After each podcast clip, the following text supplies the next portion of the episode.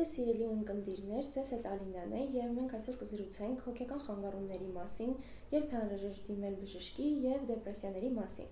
Այսօրվա մեր հյուրն է հոգեբույժ, հոգեթերապևտ եւ ՊՊՀ հոգեբուժության ամբիոնի դասախոս Հայկ Խոջայանը։ Բարև ձեզ բժիշկ, ինչպե՞ս եք։ Բարև ձեզ, շնորհակալություն, լավ եմ։ Կարծում եմ այս ոլորտում անհրաժեշտ է հասկանալ նախ ինչ է հոգեկանը։ է մարդու հոգեկանը, ինչ ենք հասկանում հոգեկան ասելով ժամանակակից իրականության մեջ, այսինքն գիտական պատկերացումների եւ ժամանակակից հետազոտությունների այդ ամբողջ տենդենսի մեջ մենք հոգեկանը գնահատում ենք որպես գլխուղեղի ֆունկցիոնալ առանձնահատկություններից բխող իրականության հետ կապը ապահովող եւ բազմաթիվ կարևորագույն ճանաչողական ֆունկցիաներ կատարող մի ամբողջականություն,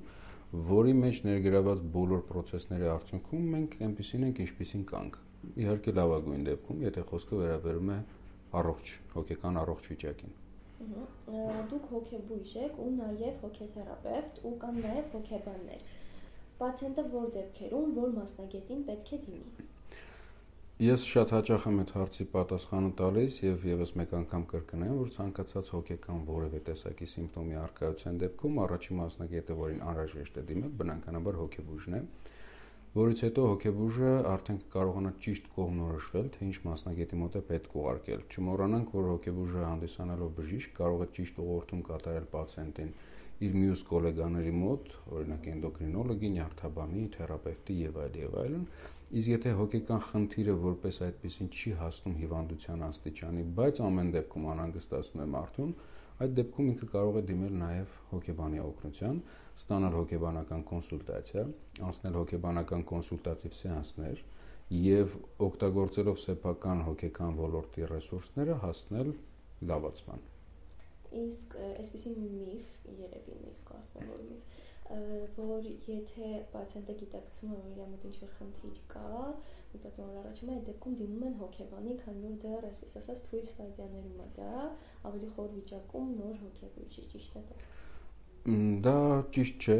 որովհետև կան հոգեկան խանգարումներ, ծանր ընթացքով հոգեկան խանգարումներ, մասնավորապես օբսեսիվ կոմպուլսիվ խանգարումը, որի ժամանակ պացիենտի քննադատությունը սեփական առողջության եւ հոգեկան վիճակի մասին լիարժեք պահպանված է, այսինքն ինքը ընդունում է հիվանդության արկայությունը, բայց ինքնուրույն որևէ լուծում տալ չի կարողանում։ Բայց դա բավականին ծանր հիվանդություն է, որը դժվար, սակայն բուժման ենթարկվող հիվանդություն է եւ այս դեպքում անհրաժեշտություն կա իհարկե առաջնահերթ դիմել հոգեբուժի։ Ցանկացած դեպքում նորից կրկնեմ, որ որևէ հոգեկան սիմպտոմի դեպքում պետք է դիմել հոգեբուժի առաջի հերթին ճիշտ հասկանալու համար հետագա մասնագետը, ում մոտ է անհրաժեշտ գնալ։ Եթե հոգեբուժը համարեց, որ դա իր ոլորտի խնդիր է, ուրեմն սկսի բնականաբար adekvat բուժումը։ Եթե կտեսնի, որ հիվանդության մակարդակի չի հասել, ինքը շատ հանգիստ կարող է խորհուրդ տալ դիմել հոգեբանի։ Բարի, Հայաստանը իրականում շատ կարծրատիպերով հարուստ երկիր է ու հոգեբուժության մեջ կարծում եմ այս խնդրին ավելի շատ ենք առնչվում, արդյոք դիմելիության խնդիր չունենք այս տեսանկյունից։ Դիմելիության խնդիրը գուցե կար շատ տարիներ առաջ, մենք իհարկե հիմա տեսնում ենք բավականին դրական տենդենս հոգեբուժի դիմելու, քանի որ մարդկանց տեղեկատվությունները բարձրանում, իհարկե ցավոք սրտի մեծամասամբ սխալ աղբյուրներից են օգտվում, բայց ամեն դեպքում ներկայանալու դեպքում իրենք ստանում են adekvat պատասխաններ եւ ավելի adekvat են վերաբերվում հոգեբուժի մոտ այցելությանը։ Իհարկե այցելությունը գնալով ավելի ու ավելի շատանում է եւ դա շատ հաճելի երևույթ է, որովհետեւ դրանով մենք կանխարգելում ենք շատ բարդություններ եւ շատ հիվանդություններ կարողանում ենք բուժել եւ օգտակար լինել մեր քաղաքացիներին, մեր պացիենտներին, բայց ինչ վերաբերում է կարծրատիպերին, ցավոք սրտի կարծրատիպերը կան ոչ միայն պացիենտների շրջանում, այլ նաեւ բժիշկների, մյուս մասնագետների շրջանում եւ որոշ դեպքերում նույնիսկ հոգեբուժների շրջանում ինչը միանշանակ գալիս է ոչ լիարժեք պատկերացումներից հոգեբուժության մասնագիտության մասին, հոգեկան խանգարումների մասին, դեղորայքային բուժման մասին եւ այլ եւ այլ։ Դրա համար այս բոլոր հարցերի լուծումը իմ կարծիքով նախ եւ առաջ մասնագիտության պոպուլարիզացիան է, լուսավորչական աշխատանքները, որը նաեւ դուք եք հիմա կատարում, եւ հնարավորինս լայն շրջանակով մարդկանց մեջ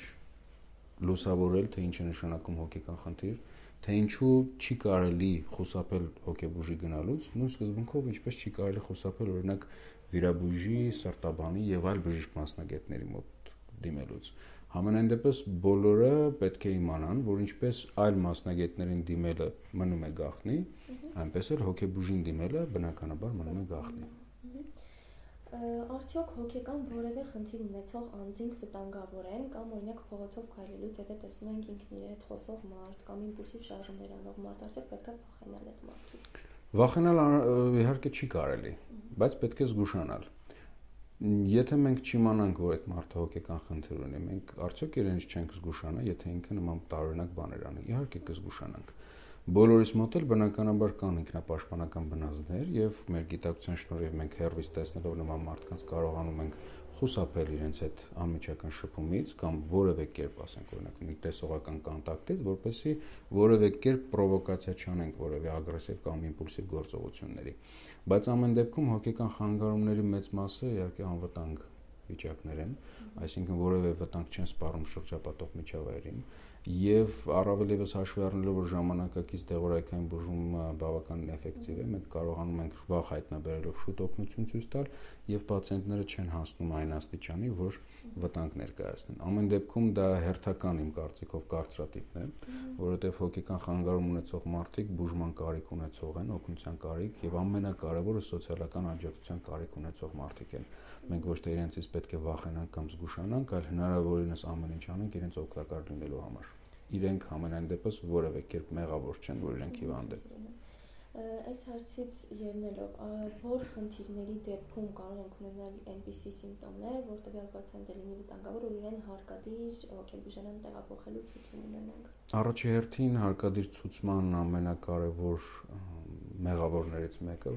տարբեր տեսակի փսիխոզներն են։ Այսինքն կոպիտ հոգեկան խանգարումներ, որոնք ուղեկցվում են իրականությունից կտրվածությունով, էմոցիոնալ կոպիտ խանգարումներով, մտածողության կոպիտ խանգարումներով, որոշ դեպքերում նաև ընկալման խանգարումներով, որոնց արդյունքում պացիենտը այսպես տեղափոխվում է այլ ավելի տարօրինակ վախացնող որոշ դեպքերում իրականություն եւ այդ իրականությունից բխում է իր վտանգավոր վարքը շատ հաճախ պացիենտը կարող է չհասկանալ, որ ինքը վտանգավոր արարքներ է թույլ տալիս, տարբեր պատճառներով, գիտակցության փոփոխության, ունի փսիխոզի թելադրանքով եւ այլ եւ այլն, եւ դրա համար գոյություն ունի ոչ հոժարական հոսպիտալիզացիայի հասկացությունը, երբ որ պացիենտը չընդունելով սեփական առողջական խնդիրները այնուամենայնիվ բուժման կարիք ունի, որովհետև ինքը կարող է լինել վտանգավոր եւ իր համար եւ շրջապատող մարդկանց։ Եվ շատ հիվանդությունների անուններ մենք խոսակցականում շատ ենք օգտագործում։ Օրինակ հիստերիկ բառը հենց հայերեն բառարաններում, բացի իրեն հատուկ իմաստից, այսինքն հիստերիայով տառապող, հիստերիայի վիճակում գտնվող անձ իմաստից բացի, ունի 3 փոխաբերական իմաստ։ Առաջինը չափազանց դյուրագրգիռ ջղային, երկրորդը խոսակցական դա չար իմաստը, երրորդը տեղի անտեղի խոսող, ճղճղան, աղմկարար Նաև լսել եմ, որ շիզոֆրենիկ ասում են օրինակ պերֆեկցիոնիստ մարդկանց կամ սովորենք չէ մարդկանց ասել գիժա, հոգեկան հոչես կամ էլ բառապաշարից դուրս չի գալիս դեբիլ բառը, ինչքանով է սա ազդում հասարակության ու նաև պացիենտների հոգեբանության վրա։ Հին տերմինների օգտագործում, օրինակ դեբիլ, ապուշ, իմբեցիլ, հիստերիկ եւ այլն։ Հիմնականում վիրավորական նպատակներով են տեղի ունենում Քանի որ սրանք ժամանակին հանդիսանում են ախտորոշումներ, այսինքն դիագնոզի անուններ այդպեսին, ու քանի որ իրանք ունեն վիրավորական երանգ, դրա համար որոշ տերմիններ, թվում նաև հիստերիան եւ մտավոր հետամնացության աստիճանների անվանումները փոխվել են այնպես, որ վիրավորանք չառաջացնեն։ Մենք իհարկե օգտվում ենք բարբերաբար այդ վիրավորական իմաստ արտահայտող բառերից, ինչը շատ կոպիտ սխալ է, որովհետև այլ մասնագիտությունների մեջ օգտագործվող ախտորոշումները որևէ վիրավորանք չեն կարող առաջացնել, բայց արի ուտես, որ հոգեկան ախտորոշումները դառնում են վիրավորական, հա։ Եթե մեկին ասենք օրինակ ասթմայով կամ գաստրիտով հիվանդ, ինքը դրանից ված չի զգա, ամենայն դեպս կարող է ինքը մեզ տարօրինակ նայի։ Բայց այդ տերմինները պետքա ճիշտ օգտագործել եւ մենք որպես բժիշկներ պետքա կարողանանք եւ մեր ուսանողներին եւ մեր գոլեգաներին եւ հասարակության ընդհանրապես տեղեկացվել, տեղեկացնենք, որ չի կարելի նման տերմիններ օգտագործել մանավանդ վիրավորելու նպատակով։ Ընդհանրապես իրար վիրավորել պետք չի, պետք է ապրել համերաշխության եւ խաղաղության մեջ, բայց ամեն դեպքում առաջի հերթին այս տերմինների վիրավորական լինելը, այսինքն շարունակական օգտագործելը ես առաջի հերթին կարծում եմ կապված է հասարակության քիչ տեղեկացվածության հետ, որ այդ տերմինները ինչ նշանակություն ունեն, ինչ նշանակություն ունեին նախկինում եւ ինչ ազդեցություն կարող են ունենալ մարդու հոգեկանի վրա դրանք օգտագործելով որպես վիրավորանք։ Լավ, այսքանը ընդհանուր հոգեկանի մասն էր, այսպես ասած, հիմա ուզում եմ ավելի նեղ խոսենք դեպրեսիաների մասին, որոնք մեր օրերում շատ մոդայիկ են, շատ ակտուալ են, ինչ է այն, ինչպես է դրսևորվում, արդյոք միշտ պետք է ունենա առաջացման պատճառ։ Այո, ճիշտ եք ասում, որ դեպրեսիաների մասին խոսելը, դեպրեսիայի մեջ լինելը հիմա մոդայիկ է, ինչպես ժամանակակից իրականության մեջ ասում են տրենդային է։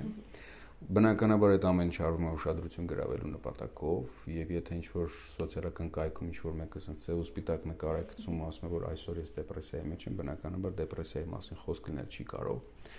որովհետեւ հաջորդ օրը մարդը դեպրեսիայից դուրս գալ չի կարող մանավանդ ինքնուրույն իհարկե ուշադրություն գրավելու նպատակով հոգեկան շատ խնդիրներ հիմա օգտագործվում են, բայց նման բան անել չի կարելի, որովհետև այն մարդիկ, ովքեր իսկապես հոգեկան որևէ խնդիր ունեն, այս ամեն ինչի հետևանքով զրկվում են պատշաճ վերաբերմունքից եւ ճիշտ օգնությունից։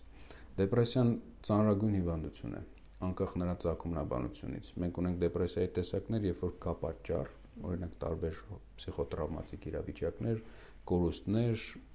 եւ այլ եւ այլ։ Եվ կա դեպրեսիայի տեսակ, որը մենք անվանում ենք բիպոլար դեպրեսիայի կամ մեծ դեպրեսիա ենք անվանում, որը պատճառ չունի։ Երկու դեպքում էլ վտանգը կա, քանի որ երկու դեպքում էլ բարդությունները եւ այլ եւ այլ վարքային խնդիրները կարող են վտանգավոր լինել պացիենտի առողջության համար, նույնիսկ որոշ դեպքերում վտանգավոր նաեւ հարազատների առողջության համար։ Դրա համար դեպրեսիայի առաջին նշանների ի հայտ գալու դեպքում անհրաժեշտ է դիմել համապատասխան մասնագետի, այսինքն հոգեբուժի։ Դեպրեսիան ճանաչելը երբեմն լինում է շատ դժվար, իսկ որոշ դեպքերում անհնար, որովհետև երբեմն դեպրեսիան սիրում է ինքը իրան թաքցնել, ծածկել, այսպես ասած։ Մենք առաջերտին պետք է ուշադրություն դարձնենք տվյալ մարդուն ոչ բնորոշ վարքային էլեմենտների հայտ գալուն, քչախոսությանը, մեկուսանալուն, շփումները դադարեցնելուն, ինչ որ բաներ, այսպես ասած, անհավես անելուն, ուրախանալու անկարողությանը, տրամադրության մշտական, այսպես մռայլ, պեսիմիստական ֆոնին, առավոտյան անկողնուց դժվար վեր կենալուն, անընդհատ քնելու ցանկությանը, քնի խանգարումներին ընդհանրապես եւ այլ եւ այլ։ Ցանկացած մարդ կարող է ճանաչել իր հարազատի բարեկամի հոգեկան խնդիրների առաջացումը առաջի հերթին տեսնելով նրա վարքի փոփոխությունները։ Եթե մենք տեսնում ենք, որ տվյալ մարդու վարքը փոխվել է, գուցե նույնիսկ պատճառը չգիտենք, բայց դրան առանձնահատուկ միշտ պետք է ուշադրություն դարձնել։ Այդպիսի ժողովրդական խոսք կա, չէ՞, որ ասում են քեզ նման չես։ Կամ այսօր դուրս չես գալիս։ Այդ փաստը եթե օրեր շարունակի կամ շաբաթներ շարունակ, ուրեմն պետք է դիմել մասնագետի արդեն իսկ դիմել ենք մասնագետի ու հենց այդ խնդրով որ պացիենտը իրեն նման չի ինչքան ժամանակ պետք է այդ սիմպտոմները ինքն ունենա որ վերջնական ախտորոշենք դեպրեսիա Դեպրեսիա ախտորոշելու համար որպես կլինիկական վիճակ երկու շաբաթից ավել պետք է տևի։ Եթե մենք վաղ ենք հայտնաբերել, գուցե կարիք չկա նույնիսկ որևէ տեսակի միջամտության։ Օրինակ նույն հետծննդաբերական դեպրեսիաները ասում ենք հետծննդաբերական դեպրեսիա, եթե դա ծննդաբերությունից երկու շաբաթ հետո շարունակվում է։ Եթե մինչև երկու շաբաթը մայրիկի մոտ կա տխրություն, ընկճվածություն, ագրեսիա եւ այլն, մենք միջամտություն չենք անում, որովհետեւ մենք գիտենք ստատիստիկորեն եւ մեր փորձից, որ այդ վիճակը մինչեւ երկու շաբաթ ինքնուրույն կարող է անցնել։ Եթե այդ վիճակը շարունակվում է երկու շաբաթից ավել, ապա արդեն սկսում ենք թեորիական միջամտությունը եւ պացիենտին շատ արագ կարողանում ենք լավ արդյունքով առողջացնել։ Իսկ դեպրեսիաները կանխարգելել հնարավոր է։ Կանխարգելել ցավոք սրտի հնարավոր չէ, բոլորս մարդ ենք եւ կարող ենք տարբեր իրավիճակներում մեզ խոցելի հատվածներին կպնելու դեպքում տալ նաեւ դեպրեսիվ ռեակցիա։ Բայց ամեն դեպքում, եթե մենք հասկանում ենք մեր վշտի, կորստի, տխրության իմաստը, պատճառը եւ կարողանում ենք ինքնուրույն փոխել վերաբերմունքը այդ ամեն ինչի նկատմամբ, դեպրեսիան որպես կանոն հետ է զարգանում։ Եթե ինքնուրույն չի ստացվում, ուրեմն պետք է բնականաբար դիմել մասնագետի մասնագետ, ով որ օբյեկտիվ սկզբունքով կկարողանա մեզ ճիշտ ուղղորդել, գուցե առանց դեղորայքի միայն պսիխոթերապևտ, բայց ճիշտ ուղղորդել, թե ինչ պետք է անել, որպեսզի մենք այդ վիճակից դուրս գանք։ Ամեն դեպքում, եթե մենք մեզ մոտ նույնիսկ զգում ենք դեպրեսիայի ինչ որ տևական մանավանդ մի քանի ամիս տևող զգացողություն, ուրեմն պետք է դիմել մասնագետի։ Հաջորդ հարցը ինձ դրամասնի ուզում հարցնել արդյոք առանց դեղորայքի հնարավոր է դուրս գալ դեպրեսիայից, ու եթե դեղորայքով, ապա հիմնական դեղորայքային խմբերը ինչպես են բուժում դեպրեսիան։ Նախ եւ առաջ դեպրեսիաները բոլորը ենթարկվում են դեղորայքային բուժման, դեղորայքից խուսափում ենք կամ չենք կիրառում այն դեպքում, երբ որ պացիենտը ունենալով այնպիսի դեպրեսիա, որի արկայությունը ինքը ընդունում է, այսինքն քննադատորեն վերաբերվելով հրաժարվում է դեղամիջոցից։ Ասում է, որ ինչ որ նախապաշարմունք կա կամ օրգանիզմի որոշակի մետափոխանակային խնդիրներ կան, ինքը նախկինում փորձել է ունեցել է ալերգիկ ռեակցիա եւ այլ եւ այլն, այսինքն ռեալ բժշկական հակացություն կա կամ պացիենտի ցանկությունն է այդպեսին է, որ ինքը դեղորայք չի օգտագործելու։ Այս դեպքում արդեն դիմում ենք փսիխոթերապևտիկ բուժման միջոցին, հիմնական կոգնիտիվ վարքային փսիխոթերապիան է, որը տալիս է բավականին լավ արտահայտված ռեզուլտատ եւ շատ ավելի կայուն կամ փսիխոթերապիայի մյուս մոդելները դեպրեսիայի ժամանակ կիրառելիս, իսկ եթե դեղորայքային բուժում ենք անում, որը կատարվում է հիմնականում անտիդեպրեսանտներով,